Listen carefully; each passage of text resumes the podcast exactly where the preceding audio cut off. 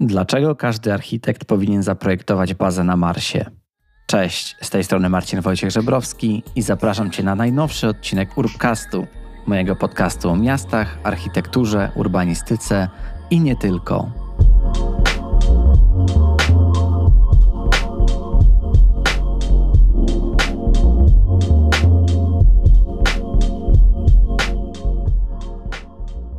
Dzisiaj porozmawiamy o architekturze kosmicznej,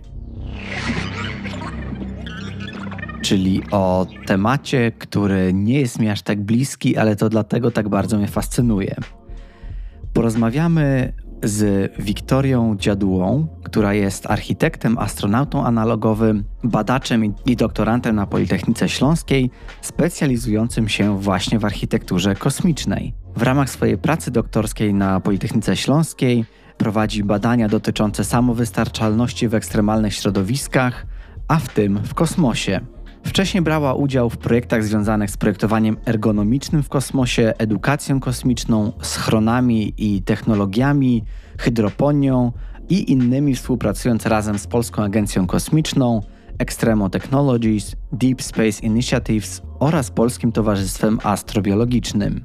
Porozmawiamy o tym, czym jest architektura kosmiczna, jak w ogóle rósł sektor kosmiczny, jak bardzo możemy być zaskoczeni za 10 lat, czemu warto w ogóle w ten sektor inwestować, jak odbywa się też komercjalizacja sektora kosmicznego i co z tego wynika. Potem odniesiemy ten cały kontekst kosmiczny i porozmawiamy o tym, jak przenieść rozwiązania ze stacji kosmicznych do architektury ziemskiej. Porozmawiamy o filozofii projektowania, o optymalizacji miejsca, przestrzeni w architekturze, o samowystarczalności obiektów kosmicznych, które możemy właśnie użyć w kontekście ziemskim, jak zrobić ten transfer technologii i jak możemy właśnie wykorzystać rozwiązania stworzone dla kosmosu w naszych ziemskich budynkach i przestrzeniach. Zapraszam Cię na najnowszy, myślę, że bardzo ekscytujący odcinek z Wiktorią.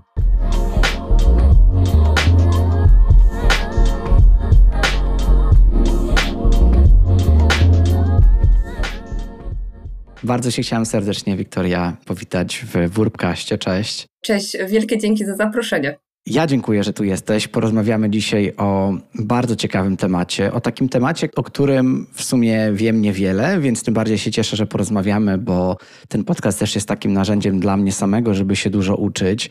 Na szczęście doszło do tego, że Monika Kmera z, z PLGBC czyli z Polish Green Building Council, jakoś nas połączyła i dzięki temu mamy okazję porozmawiać na temat architektury kosmicznej. Coś, co jest w ogóle dla mnie takim tematem z kosmosu. Pierwszy żart prowadzącego. Zaśmiałam się, więc I dobrze. nawet się zaśmiałaś, to się cieszę. Ale właśnie, porozmawiajmy o tym, jak tak naprawdę możemy przełożyć to, co się dzieje w całym biznesie związanym właśnie z kosmosem, z architekturą kosmiczną przede wszystkim, na to, jak możemy projektować budynki, projektować też przestrzeń miejską tutaj na Ziemi jeszcze. Porozmawiajmy o tym, dlaczego każdy architekt powinien zaprojektować bazę na Marsie. Zastanawia mnie na początku, myślę, że nie tylko mnie, w ogóle skąd u Ciebie się pojawił ten temat kosmiczny, kosmosu, no bo jednak to nie jest taki temat codzienny. Rzadko się słyszy też o projektowaniu baz kosmicznych. Skąd ta inspiracja u ciebie? Wiesz co, myślę, że zupełnie przypadkowo tak się stało, że to było przez y, konkurs na projekt, y, na bazę tysięcznoosobową na Marsie organizowany przez The Mars Society, ale bardzo szybko się okazało, że jako studentka architektury sama nie dam rady wiele zdziałać, bo trzeba było zaprojektować całą ergonomię, całe prawo, całą logistykę, więc tak się złożyło, że no po prostu zapytałam się ludzi, studentów, czy chcą mi pomóc i tak powstał pierwszy kolektyw, można powiedzieć. Nazywał się Mars Project, gdzie razem ze studentami innych wydziałów, osobami zainteresowanymi po prostu zaprojektowaliśmy. Oczywiście nie wygraliśmy, jak to w tych konkursach bywa, ale to dało mi takie pojęcie, czym jest architektura kosmiczna, jak ona jest bardzo interdyscyplinarna i jak bardzo mi się to podoba. Później też próbowaliśmy zaprojektować miasto na milion osób, więc to dosyć bardzo szybko rosła, ten poziom wymagań, ale to też pokazało mi, jak bardzo to jest skomplikowany problem, jak on dużo mi daje personalnie w rozumieniu innych rzeczy.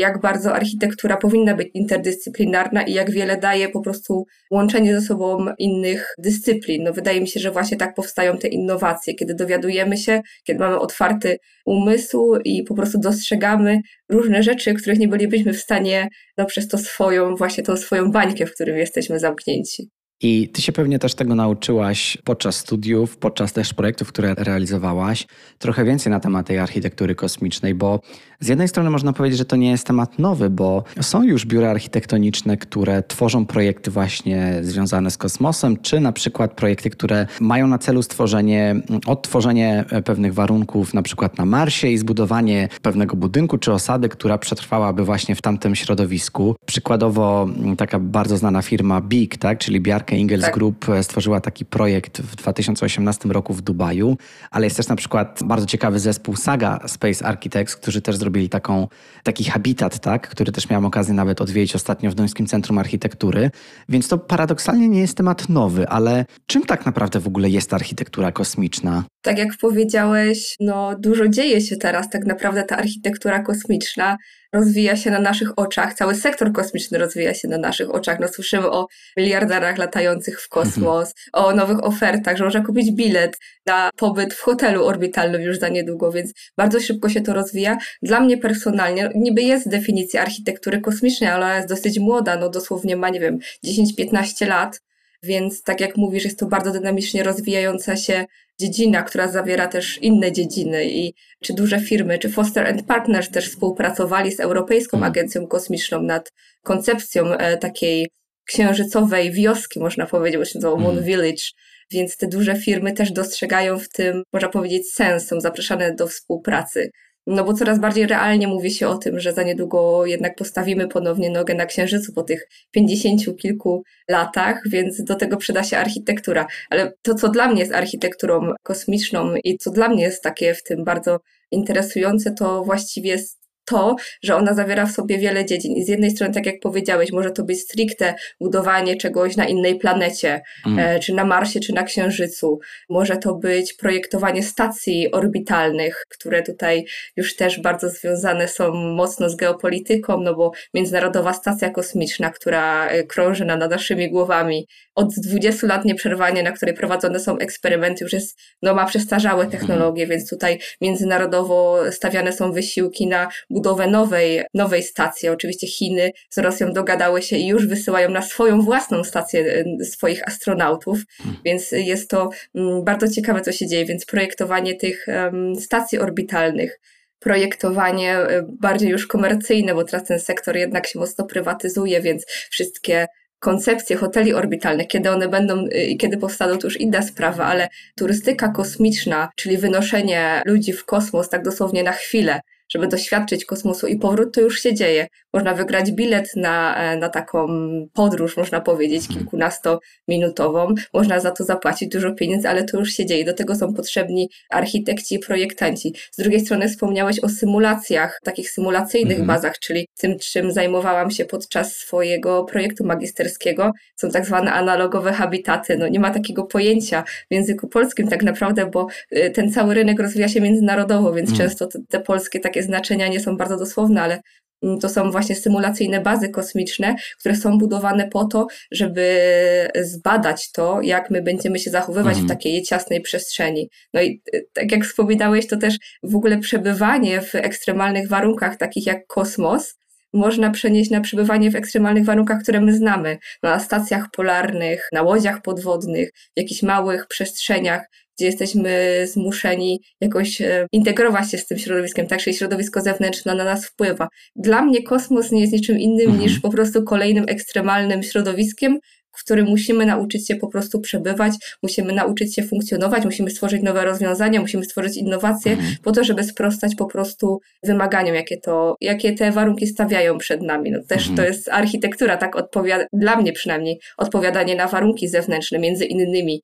żeby stworzyć jakiś po prostu jakąś przestrzeń. No i też architektura kosmiczna, co ciekawe, może być pod e, różnymi znaczeniami. Możemy projektować pod względem psychologicznym, tak? Jesteśmy w niebezpieczeństwie, czujemy, czujemy ciągłe niebezpieczeństwo przez to, że jesteśmy w tej ekstremalnej przestrzeni, więc bierzemy pod uwagę psychologię, ergonomię, to w ogóle jak człowiek zachowuje się w takiej przestrzeni. Albo możemy popatrzeć na to z innej strony i projektować bardziej tak technologicznie, technicznie, czyli wziąć pod uwagę, jak w ogóle zbudować tą bazę, wszystkie takie rozwiązania właśnie techniczne, druk 3D, wykorzystanie nowych technologii, e, materiały, w ogóle obieg zamknięty, który bardzo mnie interesuje w architekturze, mhm. więc to jest tak bardzo interdyscyplinarne, że myślę, że każdy znalazłby e, coś dla siebie bez względu na to, czym tak naprawdę interesuje się w kontekście mhm. architektury też.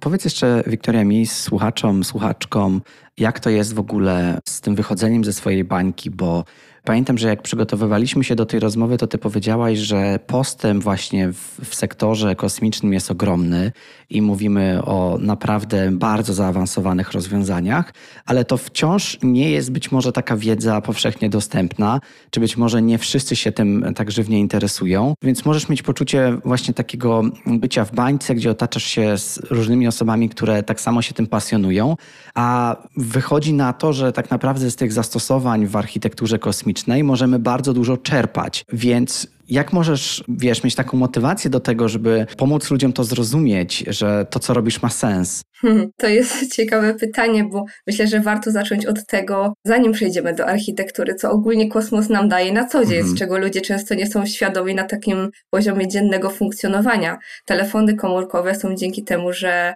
mieliśmy misje kosmiczne. Kod termiczny, tak zwana ta folia NRC, która jest stosowana w ratownictwie, jest z nami i pomaga nam dzięki dlatego, że mamy misje kosmiczne, ponieważ mhm. Została, wiesz, wynaleziona na potrzeby misji Apollo jako przegroda termiczna w statku kosmicznym. Nie zdajemy sobie na co dzień sprawy, że korzystamy tak naprawdę z kilkudziesięciu, kilkunastu technologii kosmicznych. No ja siedząc tutaj powiem tak, internet jest dzięki technologiom kosmicznym i możemy teraz rozmawiać. Słuchawki bezprzewodowe, które mam teraz na sobie, są wynalezione dzięki misjom kosmicznym, po to, żeby astronauci mogli się łatwiej komunikować. Czyli kosmos stworzył też ten podcast poniekąd. Kosmos stworzył ten podcast, no dlatego mówię, że na co dzień jesteśmy świadomi, jak po prostu kosmos na nas oddziałał. No, GPS, ludzie często nie zdają sobie sprawy, że gdyby nie wszystkie te konstelacje, gdyby nie satelity, nie bylibyśmy w stanie funkcjonować w takim stopniu, jak funkcjonujemy teraz, nie moglibyśmy pracować, nie moglibyśmy się przemieszać tak łatwo, korzystać e, z map, e, nawigacji satelitarnej, więc jest to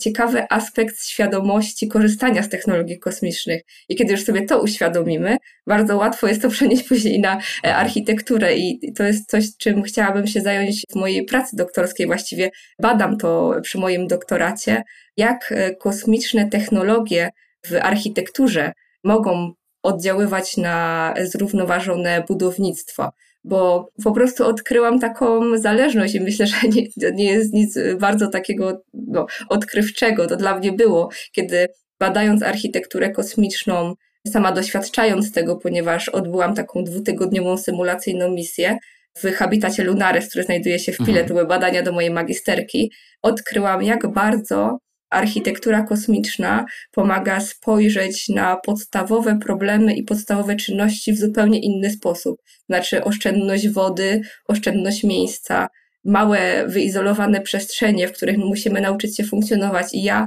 mając to wykształcenie architektoniczne i patrząc jako architekt po prostu oczami zawodowego punktu widzenia, dostrzegłam wiele rozwiązań, które byłoby świetnie wprowadzić e, w takiej dziennej architekturze. I były to głównie rzeczy związane właśnie z obiegiem zamkniętym, z wykorzystaniem wody, właśnie z inteligentnymi systemami, z odzyskiwaniem tej szarej wody, z uprawą roślin. No i zastanawiam się po prostu w, mo w, moim doktoracie, jak te rzeczy mogłyby być przeniesione z jakim skutkiem na to budownictwo ziemskie, no bo wiadomo, że klimat zmienia się.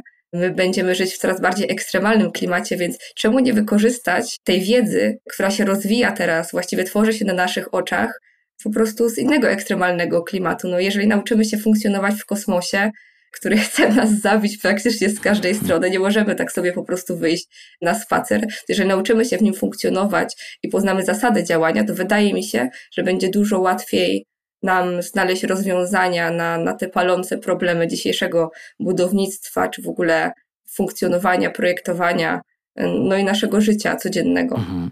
A jak do tego wszystkiego ma się komfort? Bo mówisz właśnie o tym, że też prowadzisz ekscytujące ciebie badania dotyczące tej samowystarczalności w ekstremalnych środowiskach, w tym kosmosie. Tylko zastanawia mnie to, czy my w ogóle jesteśmy samowystarczalni, no bo jednak do tej pory udowadniamy tak, że nie do końca jesteśmy, ponieważ niszczymy planetę, wykorzystując do końca wszystkie surowce, które się tutaj znajdują, a jednocześnie uważam, że w obliczu tego, co się dzieje teraz na świecie, no to rzeczywiście ten poziom takiego komfortu to będzie obniżenie tego poziomu komfortu, to będzie też z czym się będziemy musieli zmierzyć. I jak myślę sobie teraz o, o właśnie takich habitatach, o tych konstrukcjach, które obecnie są testowane i też o takiej misji na przykład na Marsa, to wydaje mi się, że, że to będą właśnie małe obiekty, w których będziemy musieli być ściśnięci, więc ten komfort naturalnie będziemy obniżać. Co ty o tym w ogóle sądzisz? O tej takiej roli komfortu w, w tym wszystkim? To znaczy, rola komfortu jest przeogromna w misjach kosmicznych. Nie można tego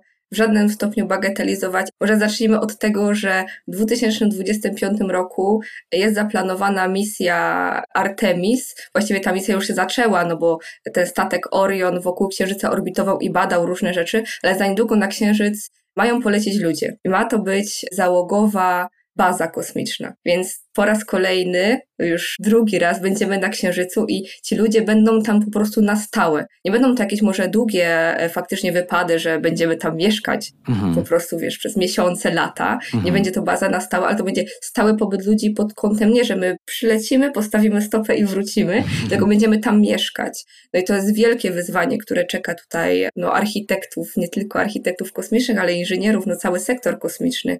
Kiedy teraz myślimy o architekturze kosmicznej, jak to będzie wyglądało, to w rzeczywistości, tak jak mówisz, będą to małe kapsuły, ponieważ wymagań jest wiele, jak dostać się na Księżyc. To wszystko musi się mieścić w tym payloadzie, czyli w ładunku rakiety. Musi być samowystarczalne. Tak jak mówisz, nie wiemy teraz do końca, jak być samowystarczalny. My mamy wiele rozwiązań, które obecnie są testowane w tych właśnie między innymi symulacyjnych placówkach, mhm. ale to musi być wysiłek i połączenie wielu dziedzin, żeby faktycznie do tego doszło.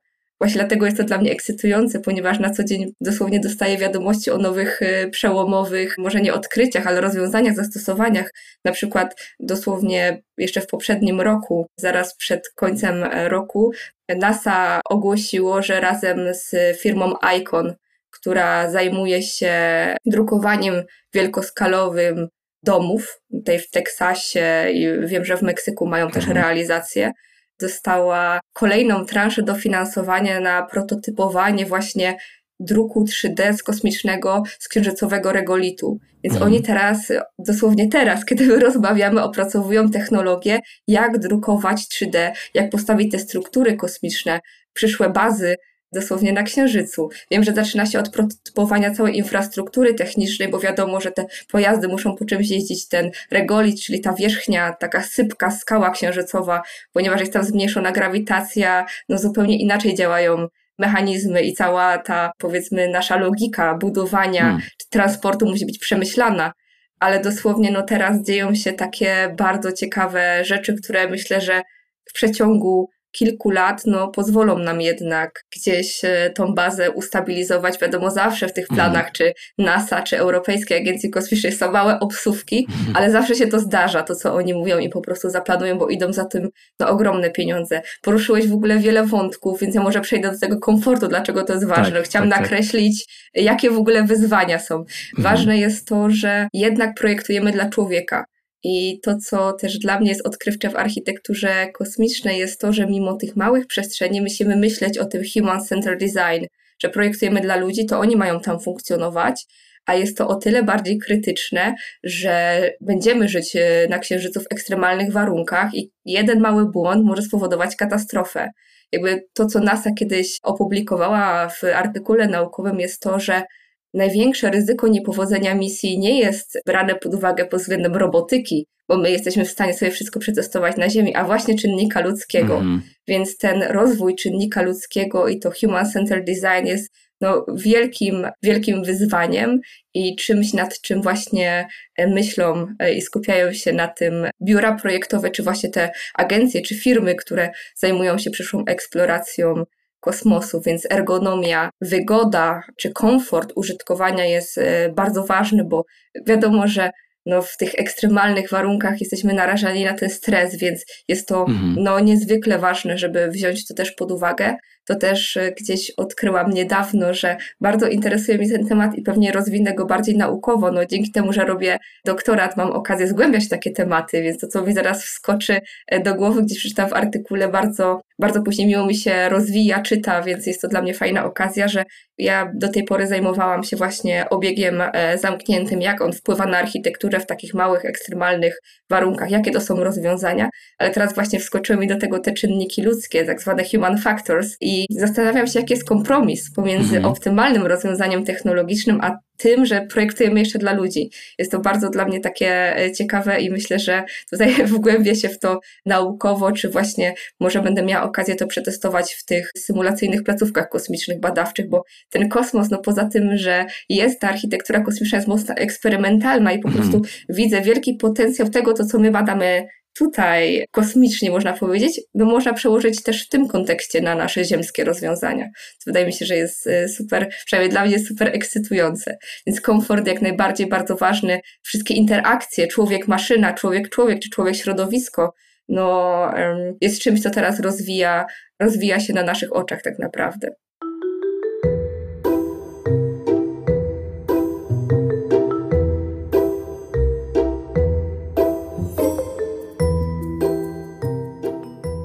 Ja myślę, że nie pomogę Ci niestety w odpowiedzi na to pytanie odnośnie tego kompromisu, ale mam nadzieję, że w tych Twoich badaniach uda Ci się do pewnych rozwiązań dojść. Ja chciałam wrócić jeszcze do tego tematu właśnie przeniesienia rozwiązań ze stacji kosmicznych do architektury ziemskiej, tak to nazwijmy, i o takiej filozofii projektowania, bo wspominałem też już na początku rozmowy o takim moim zetknięciu z habitatem i był to właśnie ten prototyp zbudowany przez Saga Architects, też dodam link w opisie.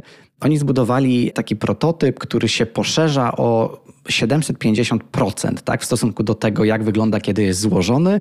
I on się tak po prostu w takiej specjalnej, modularnej strukturze rozkłada. No i wtedy mogą tam przebywać nawet dwie osoby, są tam łóżka, jest toaleta. I to właśnie zostało przetestowane przez 60 dni na kole podbiegunowym. No i ja byłem, miałem okazję właśnie na tej wystawie w Duńskim Centrum Architektury wejść do środka, zobaczyć jak to wygląda. I zrobiło właśnie to na mnie duże wrażenie, jak można przestrzeń zoptymalizować. Ale pytanie moje jest takie, czy właśnie to przenoszenie rozwiązań ze stacji kosmicznych do architektury ziemskiej to jest tylko tylko i aż, tak, w cudzysłowie optymalizacja, czy są jeszcze jakieś inne elementy, które warto podkreślić? Ten projekt, o którym wspominasz, Saga Architects, jest e, świetny, bo on pokazuje, jak bardzo musimy interdyscyplinarnie myśleć o, o różnych e, mhm. rzeczach. E, jakby ten, ten habitat rozkłada się dlatego, że on został zaprojektowany tak, żeby właśnie zmieścić się w tym ładunku rakiety. Mm. Mamy do dyspozycji różne rakiety, niektóre mogą polecieć na ten księżyc, niektóre nie. I mając do dyspozycji średnicę rakiety, musimy się zmieścić i okazuje się, że to nie jest za dużo, bo to jest dosłownie średnica 9 metrów. I dlatego są wymyślane jak takie rozkładające się mechanizmy, najlepiej samo rozkładające się mechanizmy, które pomogą później tą przestrzeń powiększyć. No to tutaj jest naprawdę od takich mechanicznych po nadmuchiwane E, takie moduły. Mm, to też jest testowane teraz w NASA, więc jest to bardzo, bardzo świeże. No gdzieś to origami jest też inspiracją dla wielu projektach właśnie, bo jest to taka naturalne naśladowanie czegoś, co już znamy i okazuje się, kurczę, możemy to użyć też w bazie kosmicznej, to jest genialne. Jeszcze jak dobrze to zaprojektujemy, to okazuje się, że nie musimy używać dużej siły, żeby ten habitat się rozłożył. Mamy większą funkcjonalną przestrzeń więc jest to, jest to świetny przykład. Ja też kibicuję Saga Architects i bardzo obserwuję, więc jak najbardziej też muszę wybrać się do tego muzeum, bo widziałam, że chyba ta wystawa nadal jeszcze jest. Tak, jeszcze jest. Jeszcze jest. Co więcej możemy się nauczyć z kosmicznej architektury? No samej myślę, że gospodarności i tego, w jaki sposób to, co dla mnie jest ważne, powinno się używać e, na przykład wody. My tutaj podczas tej symulacyjnej misji, w której brałam udział dwa lata temu, mieliśmy odzysk szarej wody. Znaczy używaliśmy ją później do podlewania roślin. Te rośliny były właśnie w uprawie bezglebowej, więc jest to ciekawe też takie rozwiązanie. To też determinuje różne rozwiązania architektoniczne, szczególnie jak jesteśmy w tej małej przestrzeni. To, co teraz jest też bardzo mocno e, rozwijane, to jest to budownictwo, czy w ogóle filozofia projektowania z wykorzystywaniem naturalnych procesów. To znaczy, mam na myśli takie oddolne budownictwo, wykorzystywanie mikroorganizmów, właśnie na przykład glonów do oczyszczania powietrza, jeszcze na dodatek, a propos jeszcze tego komfortu, przypomniało mi się, że ludzie za długo nie wytrzymują w takich sterylnych, technologicznych, technicznych, mm. powiedzmy, wnętrzach, więc też musimy zadbać o to pod względem takiej, ja to nazwam gościnności, znaczy, że my się dobrze czujemy, mamy naturalne materiały, więc to bardziej taka psychologia już przestrzennie w to wchodzi, ale też rośliny. Więc te rośliny mogą pełnić tutaj różne role, zarówno takiego relaksu, powiedzmy przy jakiegoś e, nostalgii, tak? Kiedy jesteśmy daleko od domu, mamy te rośliny, czujemy jakby związek z tym, że jesteśmy blisko natury, ale też rośliny dobrze dobrane oczyszczają powietrze, mogą być pożywieniem, mhm. więc e, multi wykorzystywanie danych przestrzeni, danych rozwiązań no jest super pożądane i myślę, że też sprawdzi się w tej ziemskiej architekturze. No samo budownictwo, które musi być oparte na materiałach, które mamy dostępne na miejscu. Dlatego też te rozwiązania są testowane z wykorzystywaniem do budownictwa tego regolitu, czyli tej powiedzmy tego materiału, który jest dostępny na Księżycu. No musimy zupełnie zmienić sposób myślenia, bo do kosmosu nie możemy za dużo zabrać, wszystko jest bardzo mhm. kosztowne, więc musimy e, bardzo zastanawiać się, jak coś wykorzystać. E, chyba w projekcie, który BIG zaproponował, widziałam, że ze spadochronów które, e, albo to był Hustle Studio. Nie chcę tutaj skłamać, to, to na pewno warto sprawdzić. Jest to dużo filmików i takich trailerów projektowych na internecie cały ten moduł był opuszczany na spadochronie, takim specjalnym, i później z tego spadochronu na przykład zaprojektowano ubrania. Mhm. Więc zamiast wytwarzać nowe materiały, które, no wiadomo, że teraz y, cała ta branża w ogóle e, tekstylna no, produkuje mnóstwo mnóstwo odpadów, mnóstwo wody, oni spróbowali zrobić coś, y, z czego, co już jest dostępne. I mhm. myślę, że też to jest ważne w kontekście architektury. I ja właśnie czuję, że ja bardzo odbiegam od tej architektury kosmicznej. Mówię o tekstyliach, mówię o turystyce, mówię o różnych y, dziwnych rzeczach, ale to finalnie składa się właśnie na kosmos. Mhm. Myślenie zupełnie o, o, wydawałoby się niezwiązanych rzeczach, ale właśnie w kontekście obiegu zamkniętego, cała ta synergia różnych rozwiązań i różnych dziedzin, no wydaje mi się, że jest kluczowa do, do osiągnięcia sukcesu i to też chciałabym pokazać no, w kontekście tego zrównoważonego budownictwa, że jeżeli mhm. różne branże nie będą ze sobą rozmawiać, nie będą się komunikować, jeżeli nie będziemy współpracować wiem, z biologami, którzy znają się na mikroorganizmach i będziemy chcieli zastosować takie oczyszczanie e, powietrza w domu, powiedzmy, wykorzystujące mikroorganizmy, glony czy, czy inne naturalne procesy, no to my tego jakby nie zrobimy sami. Mówimy mhm. jako architekci. Więc ten dialog i to poznawanie no, nowych rozwiązań, no, sam wspominałeś o tej rozkładającej się origami bazie. Tak. Bez współpracy z innymi branżami, z ludźmi z branży mechaniki, robotyki, no nie będzie to możliwe. No wydaje mi się, że jest to po prostu no mus, żeby jednak współpracować i gdzieś te doświadczenia wymieniać. Mhm. Wydaje mi się, że po prostu już dużo osiągnęliśmy w poszczególnych branżach jako samych z siebie. I ciężko będzie nam znaleźć nowe rozwiązania, nowe innowacje, które okazuje się, że może czyhają dosłownie za naszymi drzwiami, tylko Aha. po prostu potrzebujemy rozwiązać e, te problemy wspólnie. Tak, tak mhm. mi się wydaje, po prostu z doświadczenia z architektury kosmicznej, można powiedzieć. A czy myślisz, że architektura kosmiczna ma taki potencjał, żeby przejść do mainstreamu? Czy, czy to jest tak, że to jest jakaś taka nisza, która, tak jak mówisz, nawet nie zdajemy sobie sprawy, jak bardzo wpływa na nasze życie, ale wciąż jest to jednak dla pewnej garstki osób, które się tak jak ty pasjonują właśnie kosmosem. Jak w ogóle reaguje branża projektowa, architektoniczna, tak? Branża zrównoważonego budownictwa? Wiesz co, różnie, bo Byłam na kilku konferencjach, w większości jeżdżę na konferencje kosmiczne, muszę przyznać. Mhm.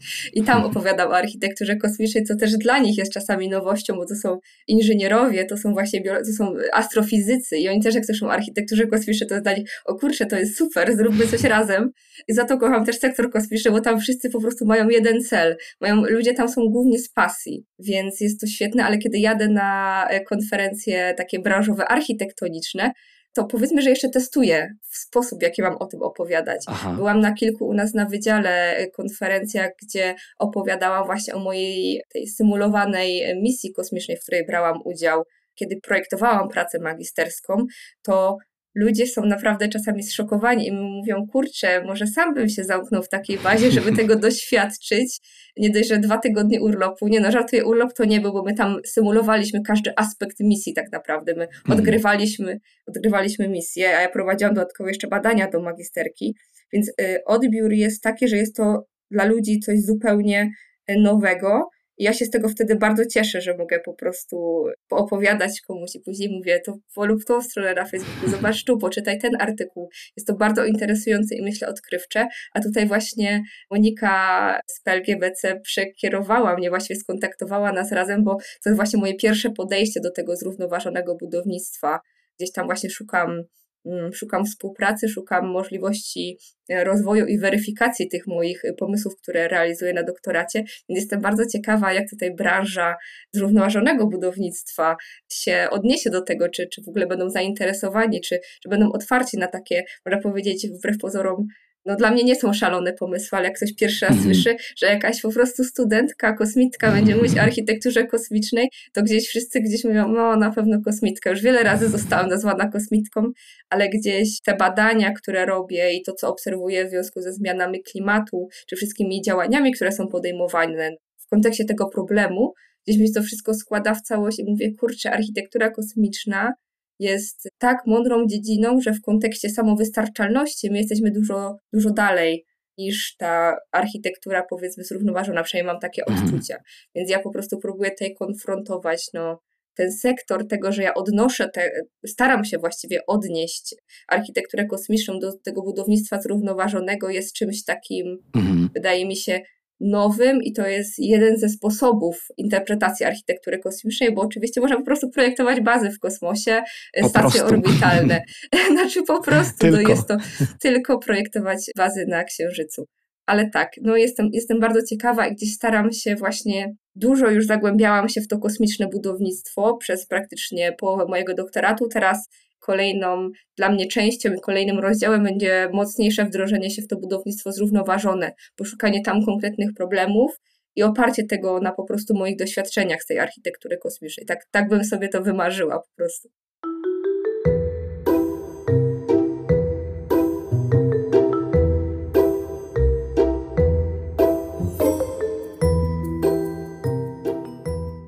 Cieszę się, że ta rozmowa może być częścią tej Twojej misji. Jesteś kosmitką doktorantką, która ma przed sobą też taki cel, jakim jest właśnie Twoja praca dyplomowa. Poszukujesz rozwiązań właśnie w środowiskach ekstremalnych, kosmos, obszary polarne, podwodne, pustynne, z zakresu właśnie architektury i tego budownictwa zrównoważonego, które zapewniają samowystarczalność właśnie między innymi poprzez obieg zamknięty, innowacyjne technologie, rozwiązania materiałów czy hydroponikę. Zastanawia mnie, jaki będzie produkt finalny tej Twojej pracy i Twoich no, wieloletnich badań. Tak, to jest też, co mnie zastanawia.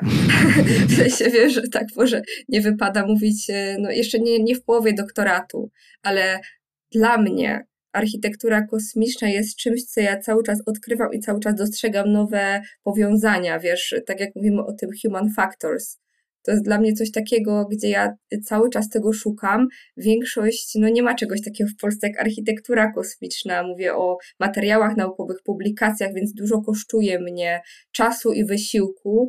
Jeżdżenie na różne konferencje, powiedzmy, no, te kosmiczne, branżowe, czy odkrywanie tych rzeczy, które na przykład są dostępne tylko za granicą. No nie ukrywajmy, że jednak sektor kosmiczny jest rozwinięty głównie w Stanach i te, też no, ta architektura kosmiczna głównie jest rozwijana w Stanach Zjednoczonych.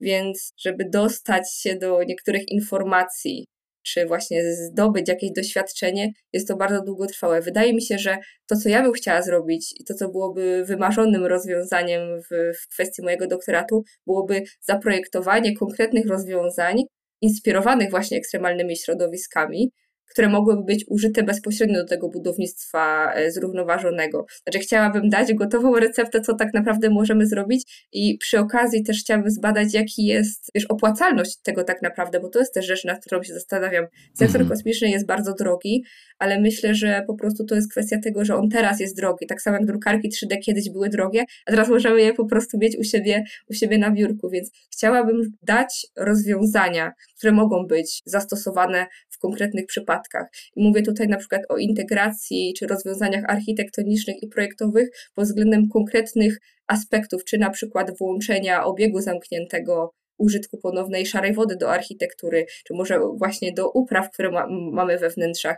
Chciałabym pokazać, że pod względem architektury kosmicznej, tak jak mamy na przykład nawigację satelitarną i ona bezpośrednio na nas oddziaływuje, hmm. a została wymyślona na inne potrzeby, tak mamy ekstremalne środowiska, które po prostu mają jakieś rozwiązania i da się je zaimplementować jakby do tej mm, architektury no, zrównoważonej, tak w obliczu tych zmian klimatycznych.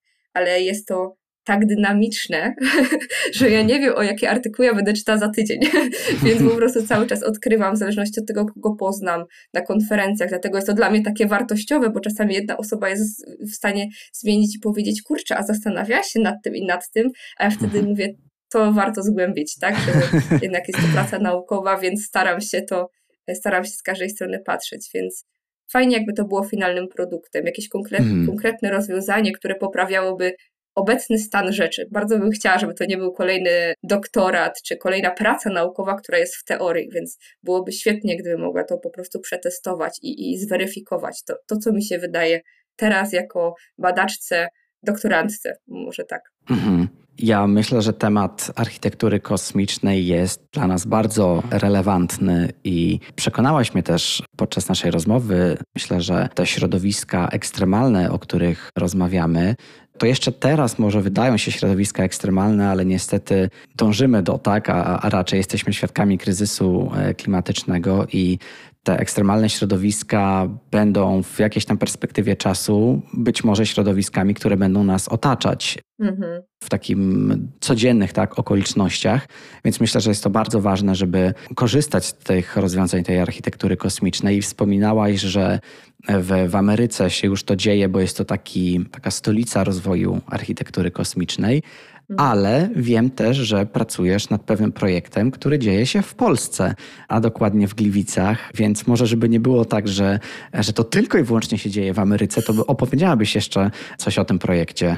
Jasne, jak najbardziej. Chciałam powiedzieć, że e, tak, faktycznie Stany Zjednoczone to jest ta stolica, bo jednak ten Elon Musk i Jeff Bezos e, mhm. czy Richard Branson no mają tam firmy, które napędzają ten rozwój sektora kosmicznego, a tym samym architektury kosmicznej, ale w Polsce też mamy nawet dwa takie symulacyjne habitaty, jakim jest y, Lunares, właśnie w którym odbywałam tą misję, o której wspominałam, ale tutaj w, w ramach Wydziału Architektury, gdzie mam właśnie y, przyjemność realizować, y, opracowywać swój doktorat, Mamy coś takiego jak program badawczy architektury kosmicznej założony tutaj przez pana dziekana profesora Klaudiusza Frossa. No i tutaj wraz ze studentami no, mierzymy się z ciekawymi rozwiązaniami. To jest chyba taka moja misja też edukacyjna, dlatego tak bardzo się w to angażuję. Po pierwsze, że kosmos, a po drugie, tak jak wspominałam, gdzieś e, lubię, kiedy dzięki kosmicznemu tematowi ludzie odkrywają po prostu różne rzeczy i tutaj jednak to kształcenie studentów, czy można powiedzieć pokazywanie im różnych rozwiązań jest dla mnie bardzo cenne, więc tutaj w ramach tego programu badawczego mamy koło architektury kosmicznej. Robimy, wydaje mi się, bardzo takie ciekawe, unikalne projekty. Teraz też wcześniej pracowaliśmy nad taką symulacją też e, warunków marsjańskich, księżycowych i badanie ergonomii architektury kosmicznej, ale ten projekt, który ostatnio się wydarza i jest e, powiedzmy w trakcie, to mieliśmy okazję zaprojektować taki showroom technologiczny, kosmiczny, można powiedzieć, taką stację dla firmy, która zajmuje się właśnie automatyką budynków i automatyką przemysłową, więc mam nadzieję, że nasza koncepcja i to, jak e, zaprojektowaliśmy, właściwie staraliśmy się od A do Z, czyli bardzo realnie odzorować to, co powiedziałeś, że te wszystkie moduły mają być rozkładane, jakie mają być te technologie, jak one powinny działać, że jeden moduł tej stacji kosmicznej będzie skoncentrował się na uprawie roślin, drugi będzie do relaksu, trzeci będzie do pracy, będzie kuchnia, więc mam nadzieję, że zostanie to zrealizowane. Jakby są takie plany, będę obserwować bardzo bacznie, co się z tym dalej dzieje, myślę, że z ekscytacją, więc studenci mieli okazję zaprojektować taką prawdziwą stację kosmiczną, która ma wylądować na Marsie, ale możliwe, że wyląduje w Gliwicach. Tej premierę też ten projekt y, miał na For Design Days, więc jeżeli ktoś był i, i gdzieś odwiedził stanowisko Wydziału Architektury, to pewnie miał okazję się zapoznać z tym, no i pewnie zgłębić o co w tym chodzi, a jeśli nie, to to będzie opublikowane też na naszej stronie i na pewno będziemy go promować i tym samym promować oczywiście architekturę kosmiczną i, no i ten hmm. temat, który, który gdzieś tam cały czas mnie interesuje, czyli czemu każdy architekt powinien zaprojektować stację kosmiczną. Myślę, że teraz nawet na to odpowiedzieliby nasi studenci, którzy brali udział w tym przedsięwzięciu, więc jest to bardzo e, rozwijające, kształcące, kiedy trzeba przemyśleć od A do Z, od logistyki, od materiałów, od tego, jak będzie właśnie to przetransportowane, jak to będzie funkcjonowane, a później jak to będzie zutylizowane, bo cały cykl życia budynku, co też jest bardzo istotne w tej architekturze zrównoważonej, o czym się wspomina, tak, w tych samowystarczalnych, zrównoważonych budynkach jest cykl życia hmm. budynku. A to jest coś, co jest zupełnie na porządku dziennym w architekturze kosmicznej. Nie da się o tym inaczej myśleć po prostu.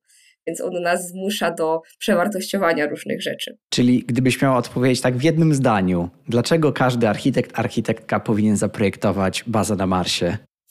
Nie da się. to jest bardzo trudne pytanie. Nie da się streścić, kurczę, tylu lat badań w jednym zdaniu, ale ja bym nawet opowiedziała jednym słowem, że uczy pokory mhm. e, do środowiska i uczy szacunku. No, to jak mam się dalej nie, nie, nie, nie rozwijać z tym tematem, ma być to e, bardzo krótkie zdanie, to jednak szacunku i pokory i do otoczenia, mhm. i do tego, czym jest architektura, przynajmniej według mnie. I to jest oczywiście moje zdanie. No, oczywiście można się z tym nie zgodzić. Tak jak powiedziałeś, ja żyję w pewnej bańce otaczam się architekturą kosmiczną, otaczam się różnymi dziedzinami na co dzień. No i gdzieś jest to moja perspektywa. Ja bym chętnie właśnie porozmawiała, zderzyła to, no jednak jest to dla kogoś, kto, kto jest badaczem bardzo, bardzo ciekawe, kiedy można usłyszeć jakby jakąś opinię, no nie, która niekoniecznie może jest tym, co ty myślisz, ale mhm. dla mnie jest to bardzo e, ciekawe, kiedy ktoś mówi nieprawda, bo jest tak, no to wtedy Aha. to mi daje kolejne, wiesz, e, powody, żeby to rozwijać i mówię, może ktoś ma rację. Jeżeli ktoś po prostu nie ma racji, bo wiem, że na pewno nie, no to tak.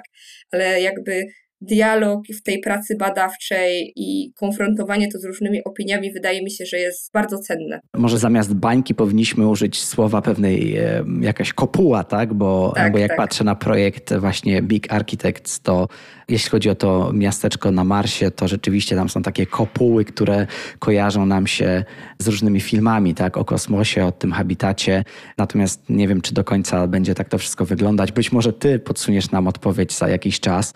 Ja musiałam na koniec zadać tobie właśnie to tytułowe pytanie, żeby ktoś, kto nas teraz słucha, też nie czuł się zawiedzony, że tego pytania nie było. nie dowiedział się. Mimo tego, że, że, że odpowiedź oczywiście jest taka dość otwarta i, i też pewnie to będziesz jeszcze dalej badać w swojej pracy, w swoich badaniach. Ja oczywiście też odeślę do różnych źródeł, które tutaj pokazujesz, bo też celem tej rozmowy jest dla mnie to, żeby zajarzyć temat, zajawić, zajarzyć temat i żeby ktoś zainteresował się też tym, co robisz. I myślę, że jest jeszcze do tego jedno narzędzie, ponieważ na koniec chciałem Cię poprosić o polecenie książki. Czy miałabyś coś takiego, co byłoby na tyle przystępne, że ktoś po odsłuchaniu tej rozmowy mógłby sobie do tego zerknąć i się tematem jeszcze bardziej zainteresować? Mówisz w kontekście architektury kosmicznej.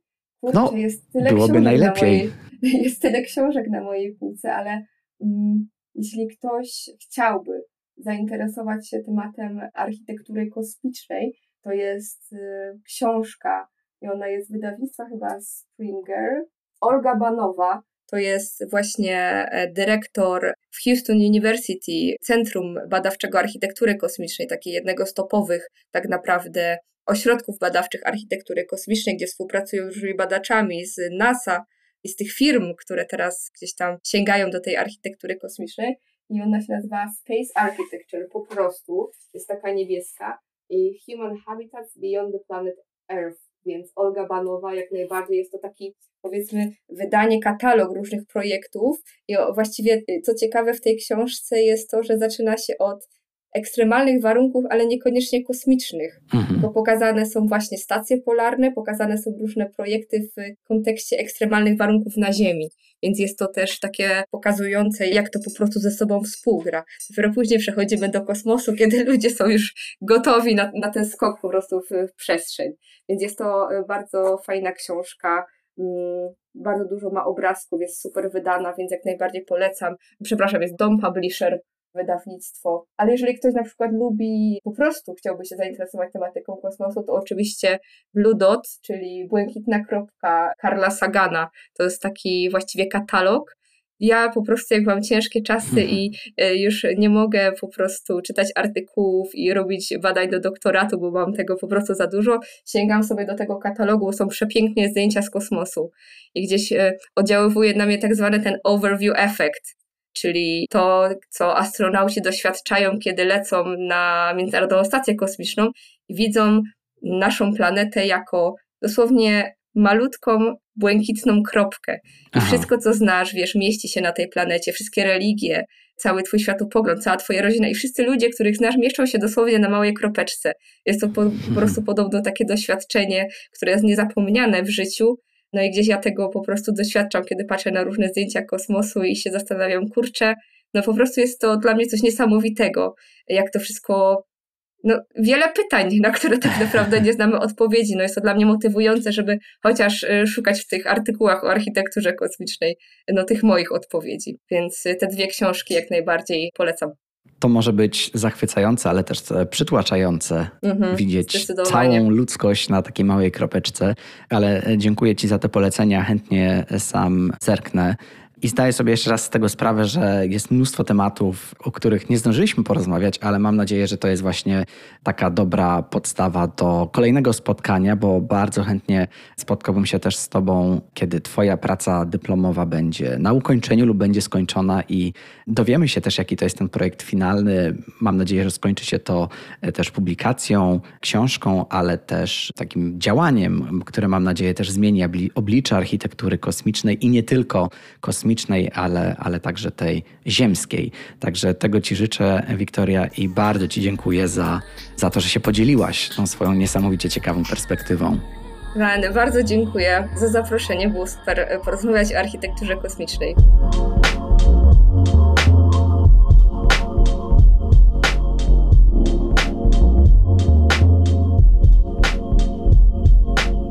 Dzięki wielkie za wysłuchanie odcinka z Wiktorią, która jest niesamowicie inspirująca, ma niesamowitą zajawkę.